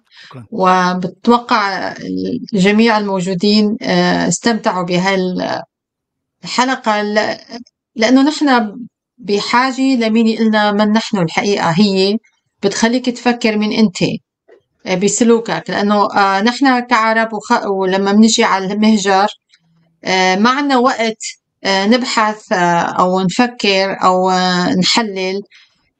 بناخذ أمور معلبة ونمشي فيها. واكثرنا بنبقى على نفس النمط اللي إجينا فيه يعني. فمشان هيك بتلاقي عنا دوبامين هلأ عم نسمع نحن اللي عم تحكي لنا إياه. صراحة أنت لفت نظري شغلي لما حكيت عن الصداقة الأوكسيدوزين الهرمون. أنا إذا إذا هو مسؤول عن الصداقة معناتها العرب ما عندهم إياه. بالعكس العرب عندهم اوكسيتوسن أقوى من من الأجانب. طب ليش ما عندهم صداقة؟ ما عندهم أصدقاء. ما بيحبوا بعضهم بالحقيقة. ومثلا لما حكيت على إيران والحرب بين السنة والشيعة آه. آه أنا ما لقيت مثلا العرب آه قاموا آه بتظاهرات مثل هلأ ما عم يعملوا يطالبوا بوقف الحرب. ما قاموا آه، بمظاهرات يوقفوا الحرب باليمن. ما وقفوا مع بهي نفس الشيء يوقفوا القتل آه، آه، بسوريا. آه، إذا سمعوا مثلا إنه اغتصبت بنت ما لها علاقة يعني غربية بيستمتعوا بيشتفوا فيها هذا هذا ما له يعني له علاقة بالأوكسيتوسين لكن ليس بالطريقة اللي ذكرتيها. ال ال إذا أنا كنت مثلا إنسان متدين ومتعصب خلينا نقول آه، في في أحد الدول ال- الشرق الأوسط. الأوكسيتوسين راح يكون مستخدم فقط للضحايا من عشيرتي. أما الضحايا من العشيرة الأخرى راح يزيد الدوبامين لما أشوفهم. يعني تش- تش- تشوفي مهم. المشكلة وين؟ يس يس نعم أها يس الشيء هو. ما تعلمناه في الطفولة هو الذي يشكل هذه ال- ال- الدوائر الم- الموجودة بالدماغ اللي اللي تقرر شلون متى يزيد الدوبامين متى يزيد الاكسيتوسين وهكذا الجينات تعطيك آه، يعني قدرة أنت عندك قدرة على فرز الاكسيتوسين هذا جيني لكن وين تفرزه آه، وبأي حالة يفرز هذا يكون من من من الطفولة والمجتمع وإلى آخره. ف الاكسيتوسين حقيقه آه، كنسبة بالفرد ال- ال- الشرقي تكون قوية لأنه صداقاتهم قوية جدا بين الأفراد أتكلم وليس بين الشعوب. فتشوفين العلاقات ما بين الناس في الشرق الأوسط. أنا شفت أنا مريت بها أنا كنت في العراق عشت في الأردن خمس سنوات ومن ثم جيت إلى أمريكا الآن أعيش فيها تقريبا 25 سنة. فشفت الفرق ما بين الاثنين في في مجتمعات في العراق والأردن. من السهل تكوين صداقات قوية جدا. والصديق صديق حقيقي يعني يقف بجانبك مهما كان مهما كانت المشكلة حتى وإن كنت مخالف للقانون. يعني إلى هذا الحد. لكن هنا في أمريكا لا يوجد صداقة. الصداقة هي كلها منفعة آه، والصداقة سطحية. آه، لا يسمح أنك تقترب من من من حياته. يعني دائما هناك حاجز ال- الغربيين يصنعون حاجز. لأن عندهم ال ال الاندفجواليتي عندهم الليبرالية مهمة جدا. يعني آه، أنا آه، أنا مهم جدا ويجب أن يعني أصنع لي كون آه، لذاتي وما أسمح أي شخص بال يعني استغلال أو تأثير علي وإلى آخره. فعندهم ال- الثقافة الاجتماعية مختلفة فأنا أشوف أنه الاوكسيتوسين مفرز أكثر عند ال... عند الشرقيين من من الأمريكان وال- والغرب. ما أعرف بس هاي تجربتي الشخصية طبعا هذا ليس شيء علمي. هي نو آه، ما ب- ما راح أخذ وقت كبير لأنه أنا بقول هي الصداقة ال- ال- السطحية. ليش؟ لك ليش مثلا آه، بال- بالشام أنا من سوريا آه، كل الجيران بيحطوا حدود لبعضهم آه، أنت مال أنت حدك هون أنت ما لك علاقة بكذا يعني بتلاقي ال- العلاقة بيناتهم جدا محدودة إذا بدنا نتكلم نحن على من 60 سنة مثلا كان في صداقات بس كمان أنا بكون صديقة مع رفيقتي مثلا إذا مختلفه بالدين. نفس الشيء كمان في آه، حدود للصداقة. نعم معناتها لكن أنا هوني مثلا الصديق صديق آه، آه، إذا يعني بتحصل على صديق بيتجاوز كل الحدود لأنه يوقف معك يعني ممكن يعطيك حتى اسمك بالاكونت تبعه وهو مطمن. فما بعرف هي يعني بعرف سوريين كتير هون آه، كل واحد حاطط للتاني حدود تماما. يعني هن في اجتماع فقط للهو واللعب والرقص والكلام الفارغ وباي باي انتهى. ما حدا بيعرف عن حدا شيء ابدا ابدا. أنا هي ما بعرف ما بسميها صداقة. آه، آه، صحيح. لكن إذا بت يعني ممكن جبالي إيه، نعم نعم تفضلي. تفضل تفضل. أنا متفق معك العراقيين اللي شفتهم هنا يتصرفون مثل الأمريكان. لا يتصرفون مثل العراقيين في في الشرق الأوسط. أنا أنا متفق بهذه النقطة. لكن العرب أو يعني المجتمع في الشرق الأوسط في الأردن والعراق كان مختلف يعني كان يتقبل الصداقة الصداقة القوية حتى. يعني ليس صعب أن أن أكون صديق أو حتى وإن كانت صديقة يعني بالعمل آه، لمدة سنة أو سنتين. سهل أن تكون صداقة قوية. بالنسبة لي هاي تجربة شخصية. مرة أخرى.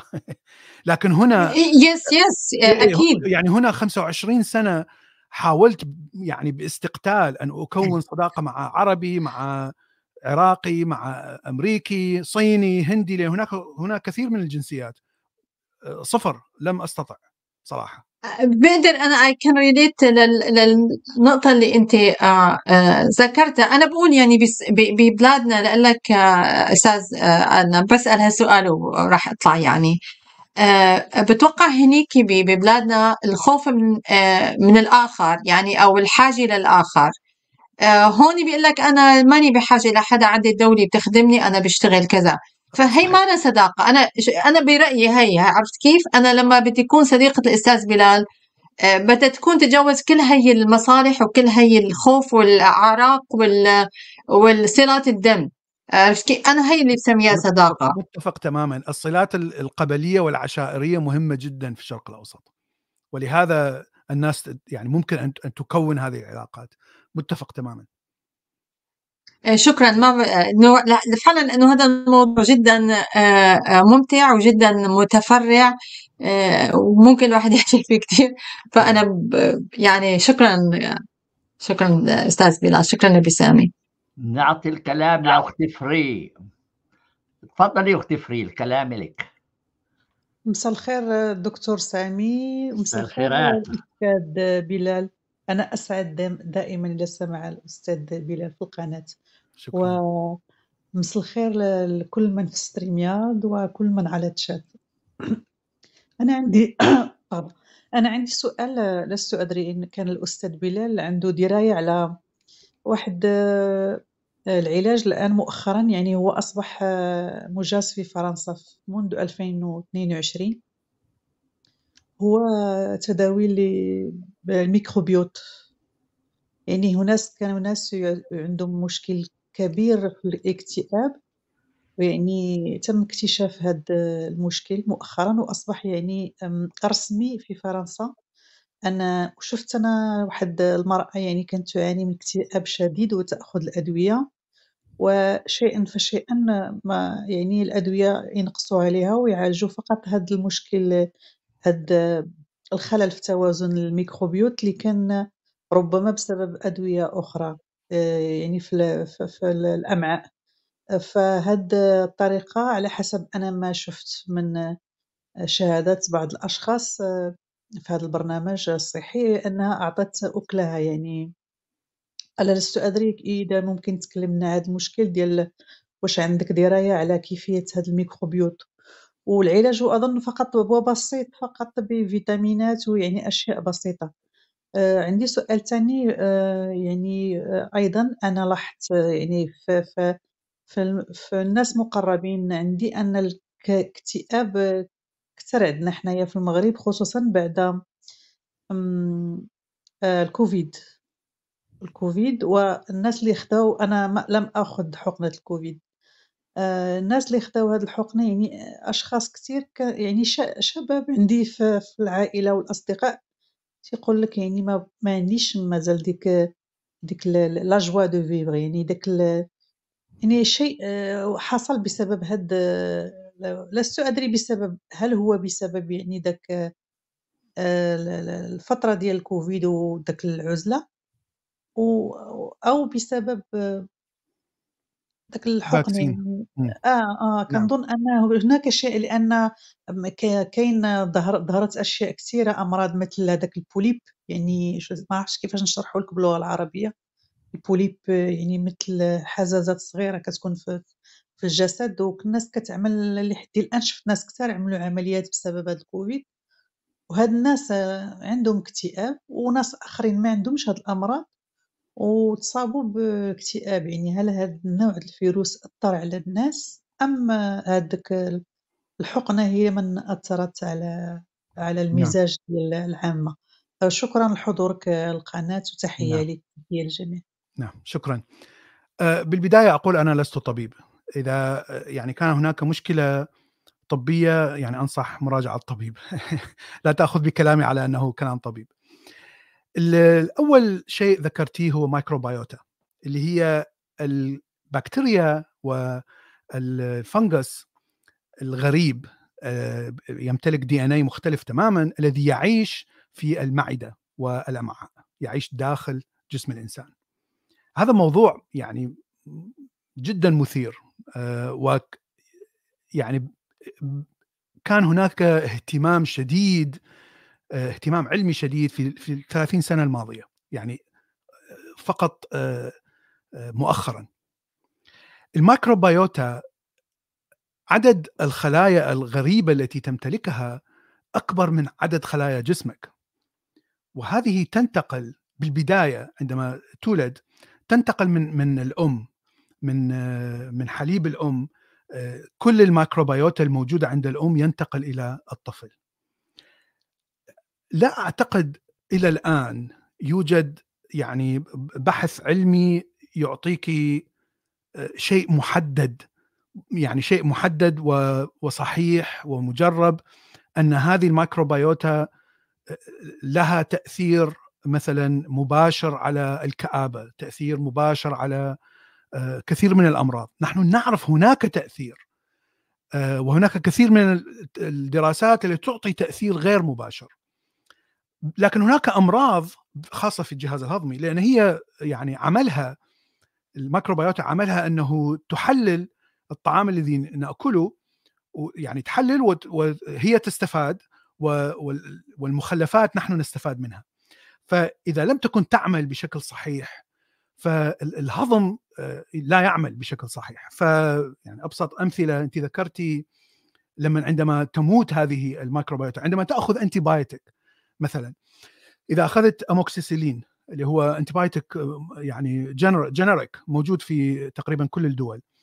هذا ال antibiotic صحيح هو يعني يقتل مثلا بكتيريا مرضية إذا كنت مصاب بمرض لكنه أيضا يقتل البكتيريا داخل الميكروبيوتا داخل المفيدة داخل الجسم. لما يقتل هذه البكتيريا تشوف أنه يصير عندك حالة إسهال بعد عدة أيام لأنه جسمك لا يستطيع أن يحلل الطعام الذي تأكله. هذا الطعام لا يتحلل وبالتالي سوف يعني فقط آه، يخرج بدون أي تحلل وبدون أي امتصاص للمواد المفيدة اللي هي يعني تمتصها مع الماء. ولهذا السوائل كلها تخرج.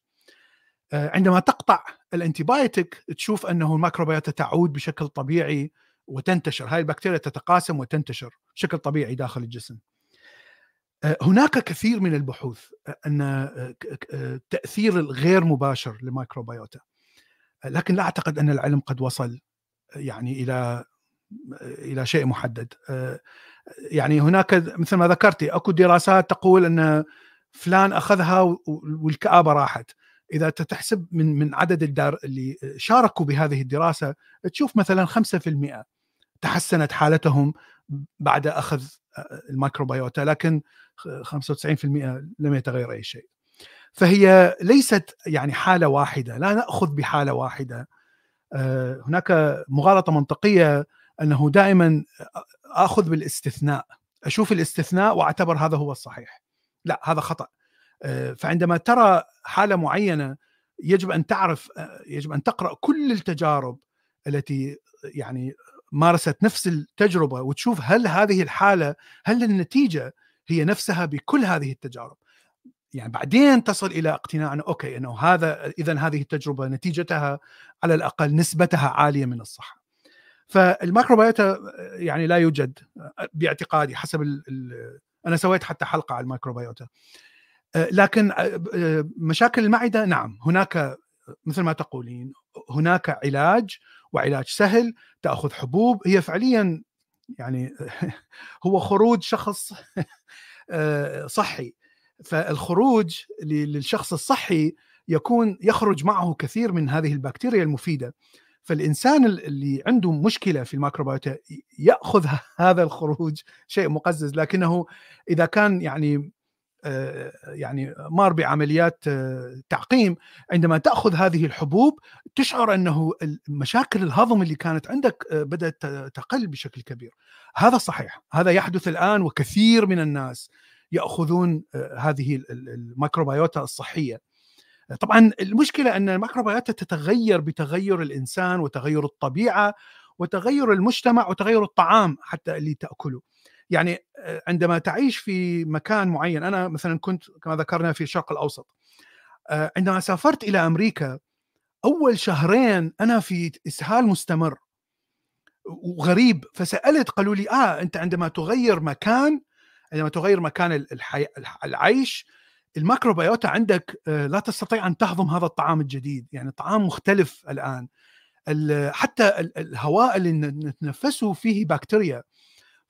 آه، شيء تلمسه هنا كله فيه بكتيريا وكله يدخل من ضمن الميكروبيوتا اللي تتي فهذه الميكروبيوتا عندما تلتهم الطعام تبدأ ب ب كما نقول تأخذ محل الميكروبيوتا القديمة.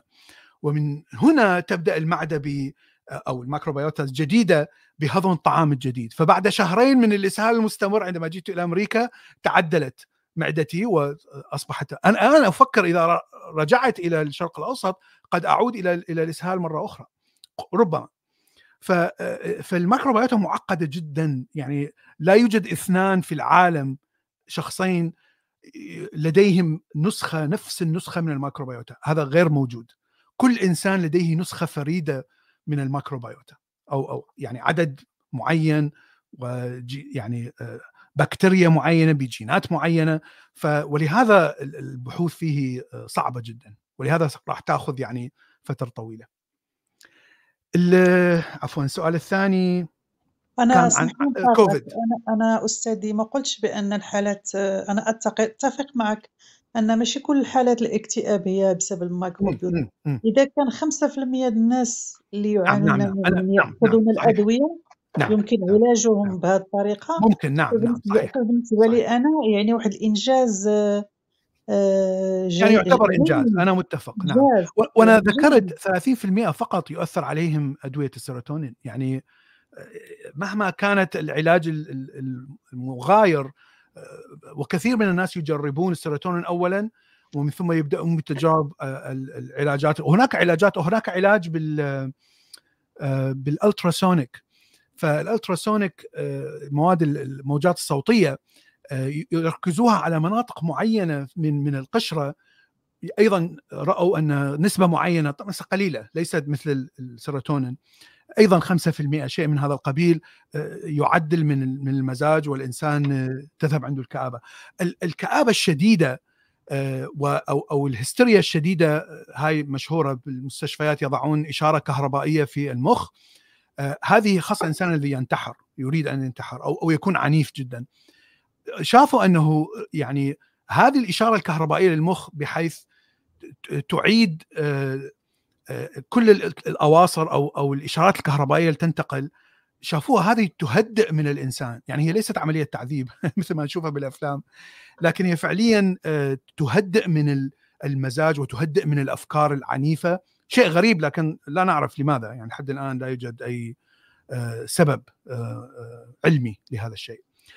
الكوفيد شوية مختلف لأنه هناك حالة نفسية صعبة خلال هذه الفترة. فأنت يعني ذكرتي أنه ممكن الإنسان يكون مكتئب لأنه لوجود آه، حالة الكوفيد لوجود عملية العزلة وممنوع سفر ممنوع كذا. آه، كثير من النشاطات والأعمال يعني آه، تأثرت بكوفيد. فإذا كنت يعني من من النوع اللي يعمل مع خدمات مع مجال وفقدت العمل هذا راح تكتئب. يعني لا يمكن أن تبقى في حالة نفسية جيدة. حتى وإن أخذت ال vaccine لم تأخذ vaccine. فمن الصعب آه، أن نربط ال vaccine بالكآبة. هناك دراسات آه، لكن يعني مثل الميكروبيوتا آه، تقول أن ال vaccine قد يكون عامل في مرض معين لكن لا يوجد ربط لا يوجد ربط مباشر. المشكلة أنه إذا تسوي دراسة خلينا نقول إحصائية أكثر هذه الدراسات إحصائية لأنه لا أستطيع أن أجلب شخص ويعني أضع فيه كوفيد أو اضع أضع له فاكسين وأضعه في مكان منعزل لمدة خمسة أشهر وأشوف آه، ما هي المشاكل. يعني هذه هي الطريقة العلمية الصحيحة. لكن طبعا لا نستطيع أن نفعل هذا. ما نفعله مع الفئران مع القرود ربما لكن يعني هؤلاء ليسوا متماثلين تماما مع خاصة مع نفسية التطور السايكي والنفسية للإنسان. ولهذا كل هذه الإحصائيات يعني لا تأخذ كل المتغيرات اللي تحصل في حياة هذا الشخص. يعني أنت تحاول أن تأخذ كل المتغيرات لكن لا تستطيع أن تغطي كل شيء. في حياة هذا الشخص الذي قد يكون هو سبب أساسي في التغيير أو سبب أساسي في الكابة أو حتى سبب أساسي في إصابته بمرض معين. ما موجود هو الآن ما يسمى بالمرض الكوفيد المزمن وهذا عادة يكون تأثيره على الرئة والقلب لأنها يعني هو هذا التاثير الكوفيد فيروس لما يكون لما يتطور ينزل على الرئة يسوي لك نمونيا وذات الرئة وإلى آخره ويؤثر على القلب. فالكوفيد المزمن يعني شافوا هناك تأثير مباشر لكن النسبة قليلة جدا من الناس. ف يعني أنا دائما أكون حذر عندما أقرأ أشياء تقول أنه الكوفيد سبب كذا مرض أو الفاكسين سبب كذا مرض. أيضا لا أريد أن أتمسك بال يعني كما ذكرنا الاستثناء لا تأخذ بالاستثناء. حاول أن تقرأ دائما وتقرأ بحوث كثيرة وتشوف حتى هذه الدراسة هل أخذت بكل المتغيرات يعني بعد أن خرجت بهذا الاستثناء أو بهذا عفوا بهذا الاستنتاج. طيب إيه، هلا صارت ساعة و35 دقيقة. إحنا مش عايزين إيه، يعني نتعب لصاحبنا بلال ولا مش حيعود علينا. فهمت علي؟ فيعني إحنا إذا كان حبيبك من عسل لا تلحسه كله. هم يقولون عندنا هيك. نعم. فأنا بدي جدد شكري لك بلال أخي بلال وهذه القناة قناتك ارجع لما تريد. اي واختار الموضوع اللي تريده. هي كلهم متشوقين يسمعوا لك. ومسك آه، الختام كالعادة لأخت ابتسام. وبعد ابتسام ما في كلام. فهمتم علي؟ أنا توقعت توقعت تعطي للأستاذ بلال. لا ما ب... بدي ما بدي ما تتدخلي. okay okay okay. okay اللي بيخالفك اللي بيخالفك يصير مرة. آه، شكرا أستاذ بلال. حقيقه كانت حلقة رائعة ومعلومات أروع. مثل ما قال آه، نبي الحب والفن رضوان إذا حلقة كل أسبوع بنكون كثير ممنونين. لأنه نحن بحاجة كما ذكرت إنه نتعرف على أنفسنا وعلى المحيط اللي حوالينا. وهيك من آه، ونبعد عن الخيالات والأساطير اللي نحن عايشين فيها. شكرا لك شكرا نبي سامي شكرا لكل من اشترك وعمل مداخلة. وتصبحوا على خير آه، أصدقائي اللي على الشات روم. ليلة سعيدة. شكرا ليلة سعيدة. ونلتقي دائما على خير. غدا مساء. عندنا حلقة عن الختان كالعادة. ويوم الثلاثاء عندنا حلقة آه، آه، درس الدرس ده عن أصول الشريعة صباحا بالفرنسي ومساء بالعربي.